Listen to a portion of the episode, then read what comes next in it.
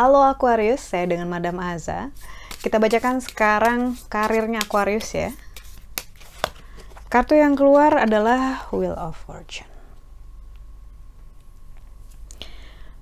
Nanti di tengah-tengah akan ada sedikit ombak gitu karena roda otomatis nunjukin adanya perputaran ataupun perubahan gitu.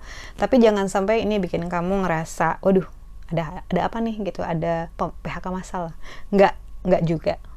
Tapi intinya lebih bilang tentang kalau misalnya nanti nih ada yang diganti ataupun ada bos baru, ada klien baru yang lebih demanding, it's okay karena ya memang anginnya lagi berubah dan ini bukan cuman kamu aja, tapi ya secara industri uh, semuanya cie industri makan cempeda aja ngomongnya industri uh, ya pokoknya secara industri itu pasti akan ada perubahan karena sekarang sedang memasuki fase yang baru ya uh, secara global. Jadi nggak usah terlalu khawatir.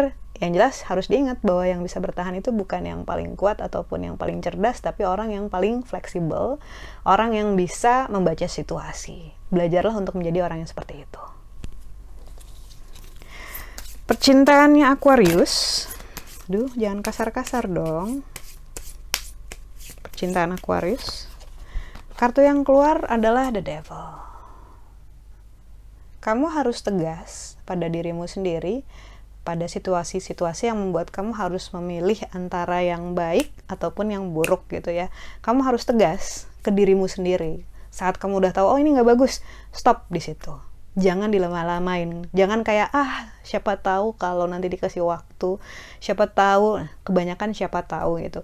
Takutnya nanti malah semakin hitam, semakin membebani, semakin bikin kamu capek kalau ada yang nggak bagus dihentikan seketika kalau misalnya ada yang bagus ya diteruskan dipupuk gitu intinya adalah ketegasan tegas sama diri sendiri kartu nasihat untuk Aquarius kartu yang keluar adalah the moon ketidakpastian bersabar menunggu dan berhati-hati dalam membuat keputusan itu adalah hal yang bagus. Tapi kalau saya lihat ini kayaknya lebih penekanan dari kata the devil tadi ya. Ketegasan juga perlu. Setidaknya kalau misalnya kamu ragu ngambil jalan kanan ataupun kiri, setelah sekian lama, setelah kamu pikir-pikir, kamu rasa-rasa gitu, kamu tidurin gitu. Maksudnya kadang-kadang kan sleep on it itu bagus ya. Malam-malam kita butek, kita nggak bisa bikin keputusan. Pas pagi-pagi kita bangun tidur, kepala kita biasanya lebih ringan, lebih bisa bikin keputusan yang bagus gitu.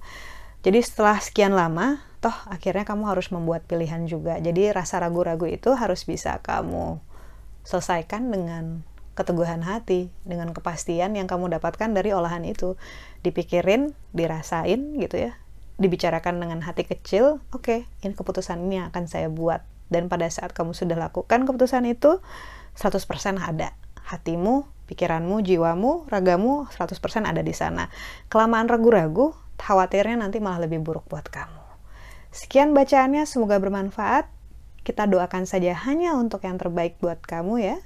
Bantu saya dengan cara like, subscribe, share, ataupun komen. Terima kasih banyak.